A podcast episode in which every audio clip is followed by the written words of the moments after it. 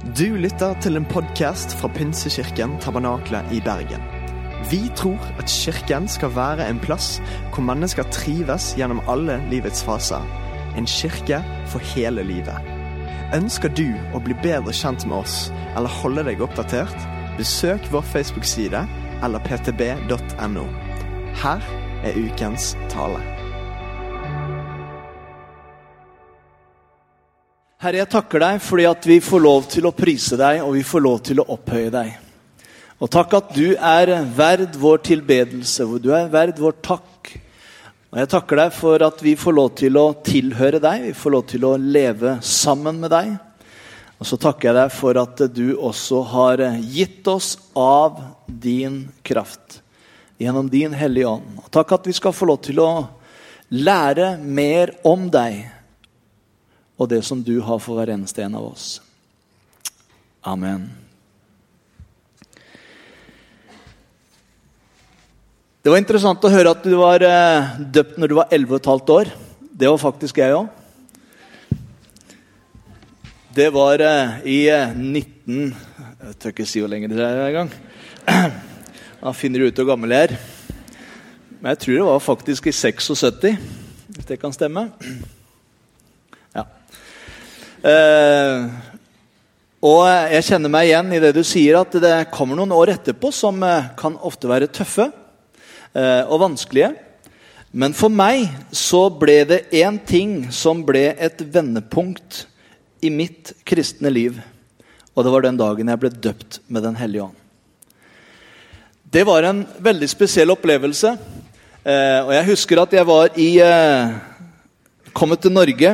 Jeg eh, er jo misjonærbarn og kom hjem et år eh, før mine foreldre. Jeg fikk eh, gleden av å bo hos min bestemor. Selv om det kunne jo ha sine utfordringer, det også. Med en ungdom i huset og stilforskjeller. Og fors eh, men jeg syns vi greide oss veldig bra det året. Men i løpet av det året så ble jeg invitert med på en evangeliseringstur til Spania. Eh, Den gangen så kalte vi det for korstog. Jeg skjønner ikke verden hvorfor vi kalte det for det. Jo mer jeg tenker på det, så jo mer tenker jeg at det er jo ikke riktig eh, å kalle det for det. Men eh, det var evangelisering vi skulle gjøre, i hvert fall. Eh, og jeg hadde vært en tid hvor jeg på en måte slet litt med å finne min identitet i Jesus. Og, og jeg syns av og til det var tøft og vanskelig å fortelle andre at jeg var en kristen. Er det noen som har opplevd det noen gang? Eh, det er bra. Vi er flere. Eh, og, og slet litt med det. Spesielt når man skulle liksom ha sånne friluftsmøter som man snakka om. Eh, da syns jeg det var veldig greit å ha noen å gjemme seg bak. For jeg ville jo ikke være kjent med at jeg var med den der gærne gjengen der.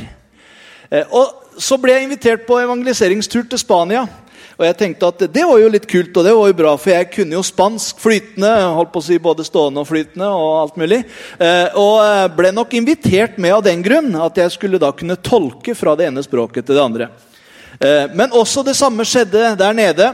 I møtesammenheng og i menigheten så syntes jeg jo det var veldig bra. Og jeg sto foran, og jeg eh, var liksom med og tolka og sang og var veldig frimodig. Men med en gang vi kom ut i parken og skulle gjøre det samme, så fant jeg min vanlige plass bakerst. Eh, og syntes det var litt flaut når liksom folk kom og liksom titta på oss og, og glodde og sånn. Jeg husker en kveld som jeg kom hjem fra eh, et av de møtene vi hadde vært i parken. og vi hadde skulle prate med mennesker, og Jeg skulle jo liksom tolke det her og følte meg veldig uvel på det. Så kom vi hjem til lokalet, det lille lokalet oppe i La Coruña i Nordvest-Spania, hvor vi hadde, skulle bo. Eh, og så var det akkurat som jeg kjente meg så Jeg kjente meg på en måte ikke verdig. Jeg kjente at eh, Benjamin, det her er jo ikke riktig. Eh, Du skal liksom være kristen og fortelle om Jesus, og så skal du være flau for å liksom være en kristen samtidig. Og så kjente jeg på en måte noe av den byrden der. Og Jeg husker jeg sa det til Jesus den kvelden. Gud, nå må du gjøre noe, ellers så kan ikke jeg være her nede lenger som en hykler. eh, Og late som at jeg er liksom veldig tent for deg, og så er jeg ikke det. Og det ble en sånn bønn inni meg, og den kvelden så gjorde Gud noe i mitt liv eh, som han egentlig hadde starta ikke lenge etter at jeg ble døpt som 11,5-åring. Men jeg skjønte det ikke like godt da at det var Den hellige ånd som hadde fylt meg den gangen. Og Jeg hadde liksom slitt med det opp igjennom og latt det bare ligge. Men den kvelden så kom Den hellige ånd igjen, og han bare fylte meg. Eh, og det kom noen sånne rare ord inni her inni, som jeg liksom ikke kjente til. Og, eh, og, De hadde jeg nok kjent noen ganger før. Og jeg bare trøkka dem ned i og tenkte liksom For det var en stemme inni meg som sa det at det, de orda der, smak litt på dem ligner veldig på tante Olga i, i, menigheten, gjør det ikke det? Eh, akkurat som når hun liksom driver og, og, og, taler i tunger. Bare, bare, hør. Jo, jeg var nok enig i det at det var nok noe likheter der. Og jeg trøkka det ned og jeg trøkka det ned. Og hver gang det kom opp, så trøkka jeg det ned. Og på en måte fikk aldri eh, ut noe av det som Den hellige ånd ville. Og gi meg den opplevelsen i forhold til det å bli fylt og døpt med Den hellige ånd. Og den kvelden som jeg var der og de andre satt i lovsang og bønn, og, og jeg tenkte Gud, nå, eller så drar jeg hjem. og Jeg hadde egentlig planer om at jeg, vi hadde tatt interrail ned, og jeg tenkte jeg tar toget hjem igjen neste dag. Jeg kan ikke være her nede og være en hykler. Men den kvelden så kommer Gud i sin godhet og i sin kjærlighet, og så bare fyller han meg igjen med sin kjærlighet og med sin ånd. Og så kjente jeg dette her, her kom igjen. Og jeg igjen trøkka det ned. Men så var det akkurat som Den hellige ånd var der til stede den dagen. Og så sier han, 'Benjamin, hva om det er jeg, da?' 'Ja, men hva om det er meg', sier jeg tilbake. 'Ja, hva så', sier han. 'Om det skulle være deg, da er det jo bare deg.' 'Men hvis det er jeg, vil du ikke ha det?' Og plutselig så var det akkurat som jeg skjønte liksom, Ok, er dette babbel, så får det være babbel. Men er det deg, så vil jeg ha det. Og så bare sa jeg det ut. Og så bare kjente jeg bare som en kraft som kom inni meg. Og det var bare egentlig noen enkle ord. Etter hvert så kom det noen flere, og så kom det enda noen flere. Eh, og så begynte dette etter hvert som dagene gikk, å forme seg. Og jeg kjente det viktige var ikke de ordene eller hvordan reaksjonen var, men det var den kraften som Gud hadde lagt der på innsida, som begynte å bety en forskjell i mitt liv. Og fra den dagen så var jeg aldri mer redd. Dagen etterpå så var jeg ute. og den som sto i første rekke og skulle tolke og virkelig var på, det var jeg. Jeg følte meg litt som Peter etter pinsedag. Først så banna han og, og, sa at 'jeg kjenner ikke han er Jesus dere driver og snakker om'. Men på pinsedag, etter at han hadde blitt fylt med Den hellige ånd, så står han fram står det, med de elleve og proklamerer frimodig om hvem han trodde på. Og Det er det, noe av det som Den hellige ånd gjør i våre liv. Og Jeg hadde lyst til å starte med den historien, ikke fordi den er viktig, men fordi den var viktig for meg og mitt liv i forhold til det Gud ville gjøre. Og jeg har lyst til å presentere for deg Den hellige ånd. Eh, jeg bruker aldri så mye tid å forberede meg som jeg skal snakke om dette. Ikke fordi jeg sa det nettopp til gutta bak som skal kjøre bilde her. Fantastisk bilde som Joel har laga, forresten. Jeg syns det er et herlig bilde av kraft. Du har Bibelen, det er Guds ord som er grunnlaget. Men så er det noe mer. Det er Den hellige ånd. Og Det er noe som Paulus hadde fått tak i. Han sa når jeg kommer til dere, så er det ikke med overbeviselseskunst og flotte ord, men jeg vil at Den hellige ånds kraft skal være beviset for det vi forkynner. Og Det er det vi også opplever i kirka her. Og Det som gleder meg mest, det er ikke alltid flotte ord og flotte setninger, men når mennesker kommer etterpå og sier det du sa, det berørte berørte meg, det gjorde noe i meg, og det har forandra livet mitt. Å se at mennesker blir forandra, mennesker blir møtt, det er det som er det viktige. Guds kraft gjennom Hans ord. Vi lever i en åndens tidsalder. Og eh, mange ganger så kan vi tenke at det begynte på pinsedag. Da sendte Jesus Den hellige ånd, som Faderen hadde lovt han han skulle sende når han gikk herifra. Og Vi leser også om Den hellige ånd som uh, i Det gamle testamentet. Men uh, da var han til stede på en annen måte. Åndens tidsalder kommer til å avsluttes ved opprykkelsen, når Jesus kommer igjen for å hente sin brud eller menigheten. Fra pinsedag til da så regner vi for åndens tidsalder. I nyere tid så Eller som det Bibelen kaller det, i de siste tider. Etter Joel, i de siste dager skal det skje at jeg utgyder min ånd over alt kjød. Så har Den hellige ånd blitt utøst på en enda sterkere måte. Eh, og det som eh, starta i begynnelsen av det forrige århundre, i eh, byen Los Angeles i 1906, var egentlig ikke begynnelsen. Det var pinsedag for over 2000 år siden. Men det skjedde noe for ca. litt over 100 år siden. Eh, som ble på en måte en restart i nyere tid om hva Den hellige ånd ønska å gjøre i de siste dager. Vi vet om bevegelser og enkeltpersoner som har opplevd sannheten om åndens dåp i tiden mellom pinsedag og 1906. Hans Nilsen Hauge er en av de som vi kanskje kjenner i Norge, og som har betydd mye for norsk vekkelseshistorie. Han ble født i 1771 og døde i 1824. Og han var en av dem. Han hadde en opplevelse bak plogen en vårdag hjemme på gården i Tune i Østfold. Og han kaller det selv for åndens dåp. Og denne mektige opplevelsen forandra ikke bare Hauge sitt liv, men den forandra hele Norge gjennom Hans Nilsen Hauge og det budskapet hånd i hånd med det praktiske som han tilrettela for at mennesker skulle oppleve Gud både i det sosiale, rettferdigheten og i åndens kraft.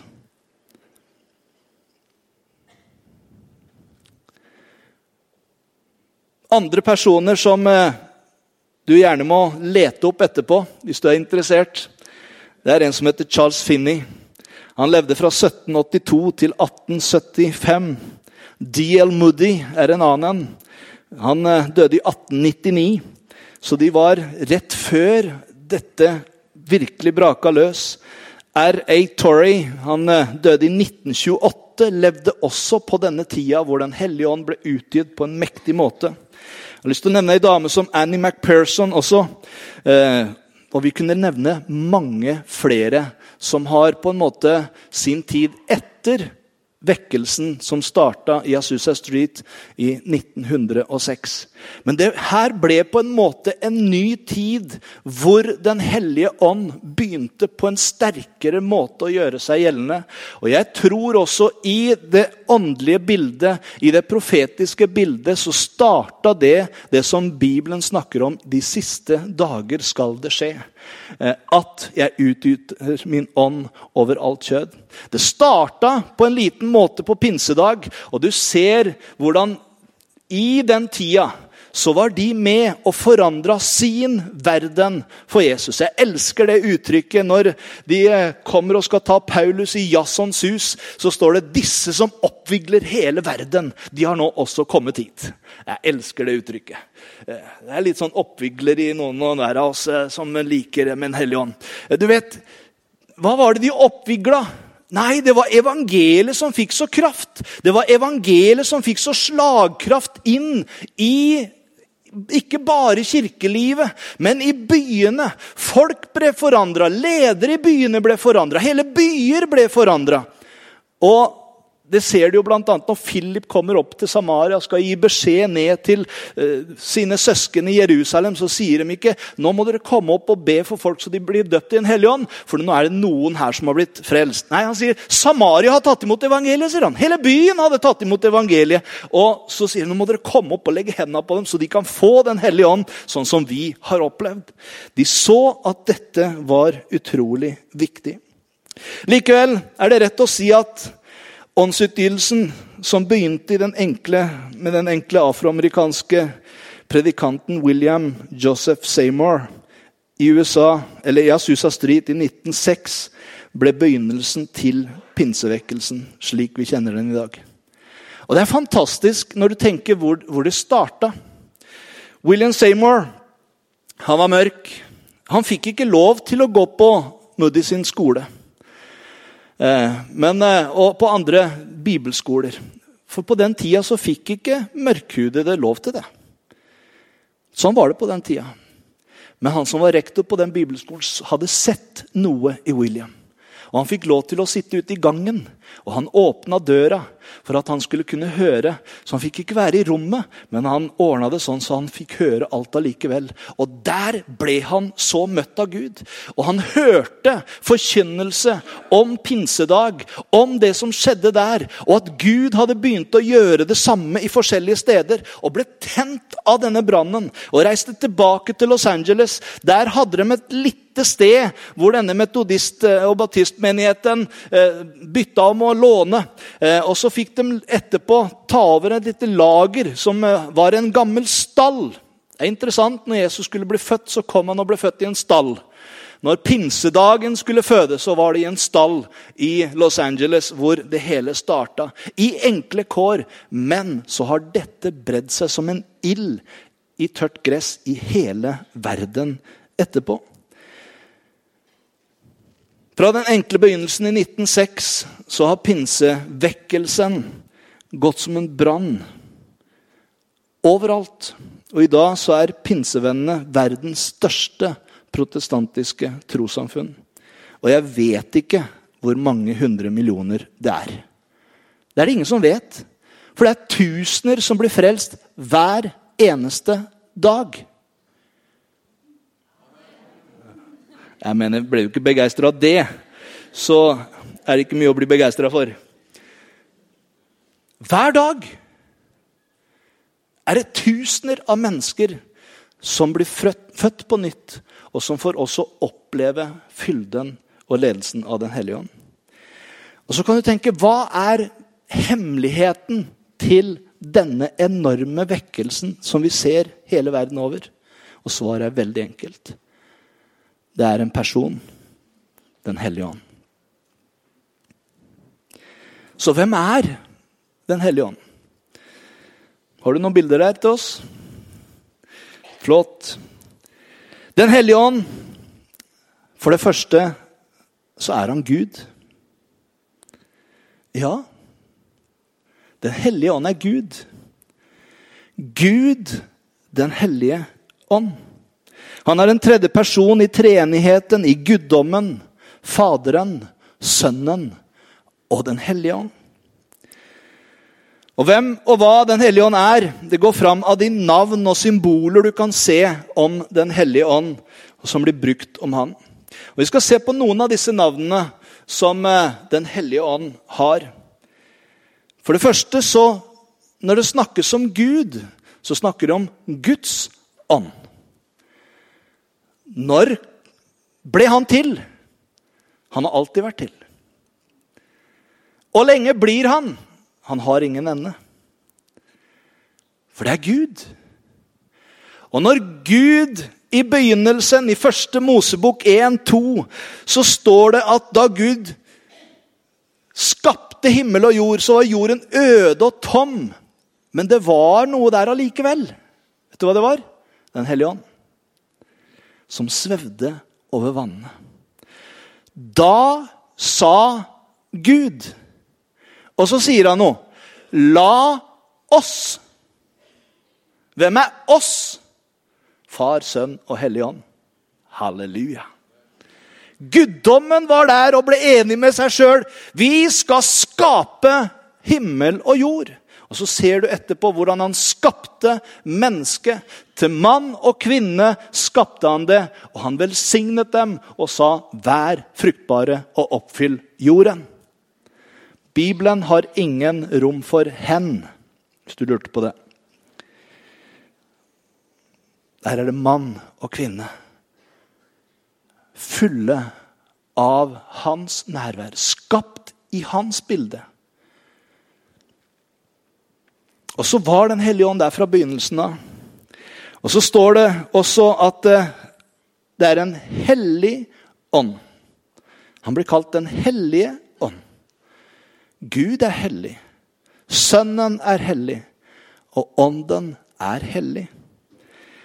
I Lukas 11 så står det om eh, dere som er onde fedre, som vet å gi barna gode gaver, hvor mye mer skal ikke da Gud, deres far, gi Den hellige ånd til den som ber han om det? Den ble også kalt for sannhetens ånd. Det må jo bety at det Den hellige ånd sier, er sant. Vet du hvem som har inspirert Bibelen? Holdt Jeg på å si, jeg løfter opp iPaden, for jeg har hele Bibelen og i mange versjoner. Vet du hvem som har inspirert de ordene som står i Bibelen? Jo, menn og kvinner full av Den hellige ånd. Han er sannhetens ånd. Han har sagt, og det han sier, og det han uttrykker, det er sannheten. Fordi han er Gud.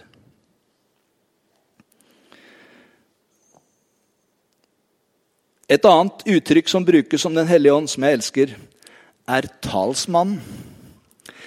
I dag vil vi kalle, kanskje kalle det for advokaten. Kanskje mer passende enn talsmannen. Hva gjør advokaten? Jeg har sett noen sånne advokatfilmer. Hvis du legger merke til det, så sier alltid advokaten nå må du forholde deg stille, og så må du la meg prate. Har du hørt det? Av og til så dummer vi oss ut, og så prater vi for mye, og så får advokaten litt for mye å gjøre etterpå. Men advokaten er en talsmann, så vi kan få lov til å være der i hans nærhet og la han tale vår sak. Han er talsmannen. Og når Jesus sier at eh, nå må ikke dere gå for fort fram, bli i Jerusalem til dere blir fylt med Den hellige ånd. Og så sier han han skal sende talsmannen, Den hellige ånd. Han skal være i dere alltid. Og Dere skal ikke være bekymra når dere av og til blir stilt for retten for min saks skyld, eller hva dere skal si og hva dere skal tenke. For det kommer til å bli gitt dere i samme stund. For talsmannen, Den hellige ånd, som Faderen skal sende, han vil være med dere. Han er i dere talsmann. Parakletos. Og bare for å brife litt med et, et, et sånn utenlandsk ord. Vi kunne nevne mange andre navn. Kristi ånd. Sa vi ikke at det var Guds ånd? Jo, men Kristi ånd, det er Sønnens ånd. Det er den samme ånd som virka i far, som virka i Sønnen, og som også virker i dag gjennom Den hellige ånd. Et annet flott uttrykk når du trenger trøst, så står det at han er trøsteren. I gamle dager så sang vi 'Se, trøsteren er her'. Trøsteren er her. Han er trøster. Han er løftets ånd. Gud har gitt løfter. Og hvem står bak de løftene? Den hellige ånd. Han er nådens ånd. Det er fantastisk. Trenger du nåde noen gang? Det er mange ganger jeg har kjent Gud har vært der ved Den hellige ånd og bare vist nåde når jeg har fortjent det som minst. Han er livets ånd. Leser i Johannes, så står det at alt liv opprettholdes av ham. Han er livets ånd. Han er hellighetsånd, og han er herlighetsånd. Forskjell på de to tinga der. Men mange andre navn er også brukt om Den hellige ånd. Og jeg synes at eh, Disse navnene de forteller litt om hvem Den hellige ånd er. Det blir også brukt en del symboler på Den hellige ånd som kan fortelle oss litt om hvem Den hellige ånd er. Og En av dem det er ild. Er sånn som vi gutta liker. Det er derfor vi er speidere og forskjellige. Altså. Og du vet hvorfor det er gutta som griller? Det er ikke fordi de liker å lage mat, men det er fordi de kan leke med ild. Det er derfor vi liker å grille. Eh, og Den hellige ånd er ofte et bilde på ild. Så hvorfor er det det? Ånden har ildens egenskaper. Hvilke egenskaper har den, da? Jo, den varmer. Du kan få lov til å kjenne Den hellige ånds varme. Den lyser opp. Så har ilden en annen egenskap. Den lutrer, eller den brenner det som ikke skal være der. Altså, Skal man ha noe flott gull vet du, som man skal liksom rense, så putter man det i ilden, og så blir det rensa. Så er det bare det som er ekte, det som er bra, som blir igjen. Ilden har mange flotte egenskaper. Og på pinsedag så viste det seg, står det, tunger liksom av ild. Som satte seg på hver enkelt. Og da ble de alle fylt med Den hellige ånd, og de begynte å tale i andre tunger ettersom ånden ga dem å tale. Et annet symbol for Den hellige ånd er vinden. Jeg liker eh, når Jesus skal forklare for Nikodemus, en lovlærd som kommer. Du kan lese det om Johannes 3. Og han sier at liksom du er en lærer som har kommet ifra Gud, og ingen kan gjøre de tegn du gjør uten at Gud er med han. Plutselig så stopper Gud helt opp, og så sier han, 'Nikodemus, du må bli født på ny.' Født på ny, sier han. Hva er det for noe? Jeg kan vel ikke for andre gang gå inn i mors mage og bli født en gang til? Nei, sier Jesus. Det som er født av kjøtt, det er kjøtt. Men det som er født av ånden, det er ånd. Og så begynner han å snakke om vinden som blåser dit den vil. Du hører den suser, men du vet ikke hvor den kommer fra eller hvor den farer hen. Sånn er det med hver den som er ledet av ånden, sier han. Og Så bruker han vinden som et eksempel på Den hellige ånd. Vinden symboliserer åndens gjenfødende verk. Den nye fødselen. Mystisk, uavhengig, gjennomtrengende og livgivende og rensende verk. Og På pinsefestens dag så hørtes det en lyd fra himmelen som når et veldig stormvær farer forbi.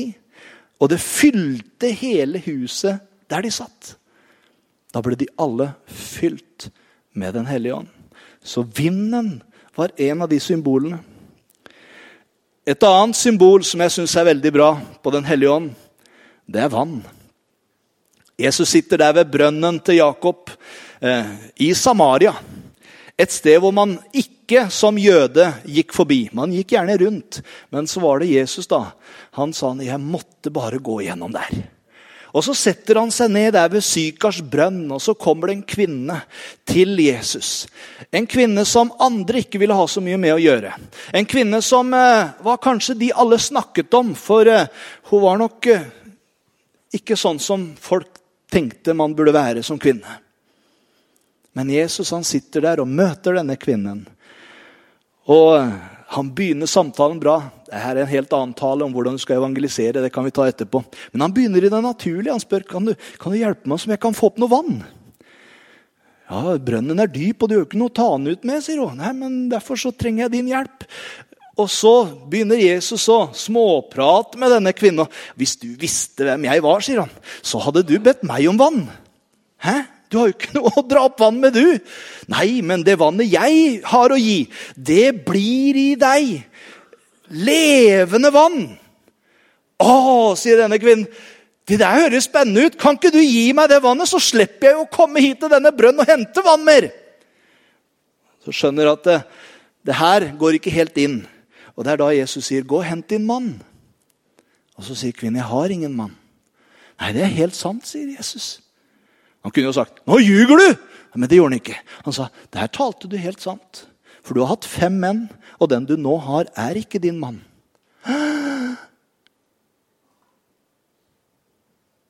Så der snakka du sant. Og så kjenner denne kvinnen noe. Jeg er sikker på Hun vet ikke helt hvordan skal jeg reagere nå. Skal jeg løpe? Skal jeg bli? Men så kjenner hun at det er noe kjærlighet i den stemmen. Ikke som andre som hadde dømt henne, men hun kjenner at det er noen som er interessert i meg. Og så sier hun, 'Du må være en profet'. Og så løper hun av gårde, men ikke i frykt. Men hun løper inn i byen og sier, 'Kom, se! En som har fortalt meg hva jeg har gjort.' Han skulle vel ikke være Messias?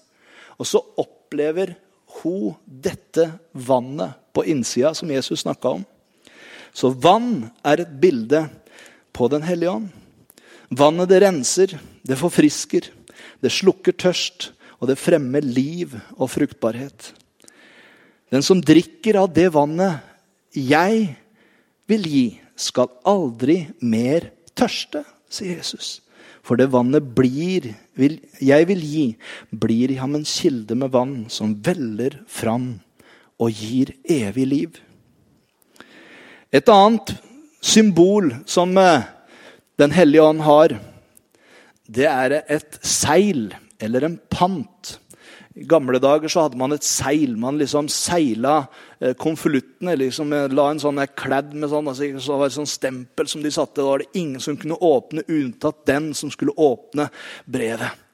Eh, og, og denne pant, eller det, det seilet, det er Den hellige ånd for oss, sier Bibelen. Efeserne 1, 13 og 2. Timoteus 2, 19 kan du notere ned hvis du vil. Det markerer et eiendomsforhold. Og ånden er Guds pant på vårt at vi er eiendomsfolk. At vi er frelst. At vi har tatt imot Jesus. Så har han gitt oss Den hellige ånd i våre liv. Den dagen du sa ja til Jesus, så flytta personen, Den hellige ånd, inn i deg. Og Det er jo det som gjør det så interessant, for vi tenker jo motsatt. Vi tenker når jeg blir flink nok, når jeg blir bra nok, når jeg har slutta med det, når jeg har begynt med det, når jeg har fått det til, da er jeg god nok til å ta imot Gud. Men så sier Gud, det får du aldri til. Men så gjør han en annen bytte. Jeg syns det er et herlig bytte. Jeg gir han all synda mi, all møkka mi, alt det jeg ikke får til, og så flytter Den hellige ånd inn når jeg sier ja til han. Og så er det han som begynner å rydde huset. Det er han som begynner å få det til for meg. Og det tar litt tid. Det er det Bibelen snakker om helliggjørelse. Det skjer ikke over natta. Men eh, det, det, begynner å skje noe når Den hellige ånd flytter inn, som gjør at han begynner å ta kontroll og begynner å hjelpe meg å gjøre alt det jeg før ikke fikk til. Hadde jeg vært i Sør-Amerika, så hadde de vært helt i taket her nå. Jeg er glad jeg skal ned til Argentina en tur neste uke. I Gamle Testamentet så var det tre tjenester som var salvet. Det var konger, det var profeter, og det var prester. Og salveoljen den viser noe av åndens funksjon. Vi er på olje nå, hvis du lurte. Og Det er derfor også, når vi av og til ber for syke, så salver vi med olje. Jeg tror det har noe med et bilde om hans nærvær i den stunden du er der. Men i Gamle testamentet så var det bare de som kunne oppleve dette. Og Derfor så var det egentlig ikke rart at de reagerte når Jesus, etter at han hadde vært testa i ørkenen, kommer tilbake, går inn i synagogen og sier, 'Den hellige ånd er over meg.' For han har salvet meg. Han leser ifra Jesaja, bokrullen. Eh, han har salvet meg til å forkynne et godt budskap for fattige. Han har sendt meg for å rope ut at fanger skal få frihet og blinde få synet igjen, for å sette undertrykte fri og for å rope ut et nådens år fra Herren. Og så setter han seg ned, og så titter alle på han. Så reiser han seg opp igjen og sier han, vet dere hva? I dag er dette oppfylt. Og da holdt de på steinen. Da ville de dra han ut for et stup og få, ferdig, få, få slutt på han. For de skjønte ikke at Jesus var Messias. Men det var sant. Og han var salva av Den hellige ånd for å gjøre sin tjeneste. Det er godt vi har flere ganger som vi skal preke om det her eh, utover. Så dere kan få dette mye mer inn. Men du vet, Jesus var 100 avhengig av Den hellige ånd når han gikk her nede. Han ga avkall på det å være Gud lik og ble et menneske. Og som menneske så var han avhengig av å være salva av Den hellige ånd til den tjenesten han gjorde. Og på samme måte så har du og jeg mulighet i Kristus. Når vi har tatt imot Jesus som vår frelser og blir fylt med Den hellige ånd, og blir salva av Den hellige ånd til å kunne gjøre de gjerningene han gjorde, ja, enda større, sier han, for nå går jeg etter Faderen. Halleluja. Så hva er det Den hellige ånd gjør? Bruker de siste minuttene til det, eller sekundene. Den hellige ånd, han vil alltid herliggjøre Jesus Kristus og det han har gjort. Han søker ikke sitt eget.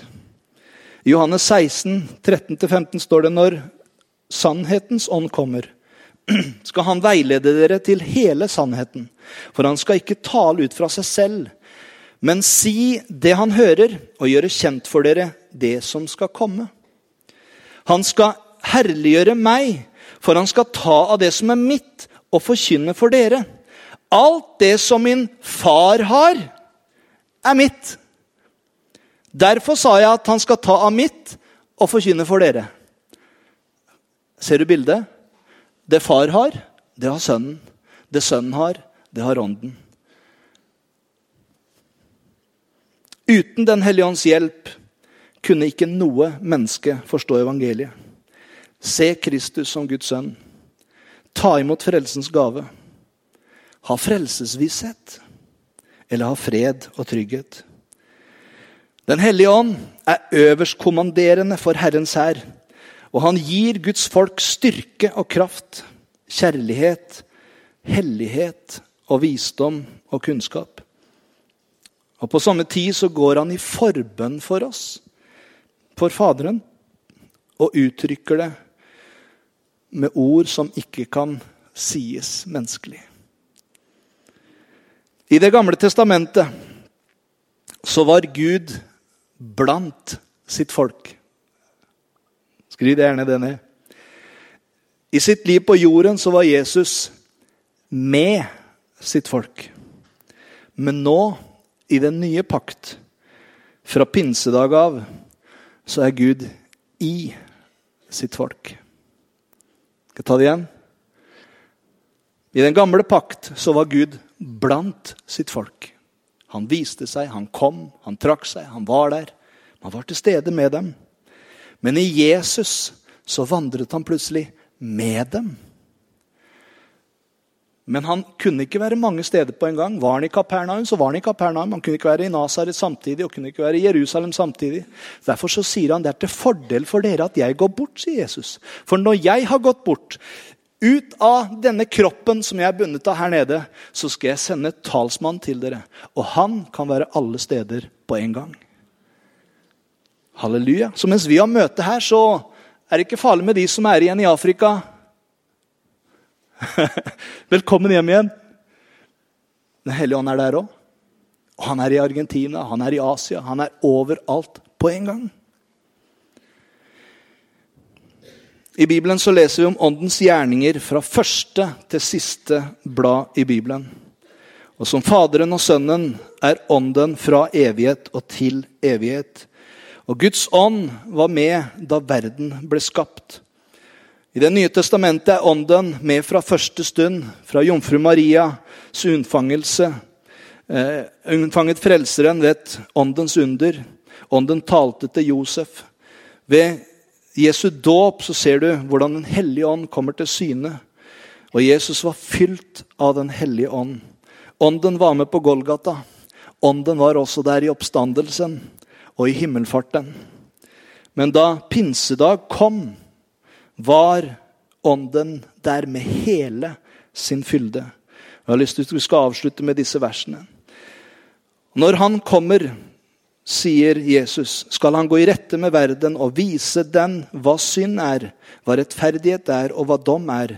Synden er at de ikke tror på meg. Rettferdigheten er at jeg går til far, og dere ikke ser meg lenger. Dommen er at denne verdens fyrste er dømt. Og En gang de spiste sammen med dem, påla han dem dette. Dere skal ikke forlate Jerusalem, men vente på det far har lovet det som dere har hørt fra meg. For Johannes døpte med vann, men dere skal om noen få dager bli døpt med Den hellige ånd. Dere skal få kraft når Den hellige ånd kommer over dere, og dere skal være mine vitner. I Jerusalem, i hele Judea, i Samaria og helt til jordens ende. Og Så leser vi i Apostlenes gjerninger 2, 1. Da pinsedagen kom, var alle samlet på et sted. Plutselig lød det fra himmelen som når en kraftig vind blåser, og lyden fylte hele huset hvor de satt. Tunger som av ild viste seg på hver av dem, delte seg og satte seg på hver enkelt av dem. Da ble de alle fylt av Den hellige ånd, og de begynte å tale på andre språk ettersom Ånden ga dem å forkynne. Amen.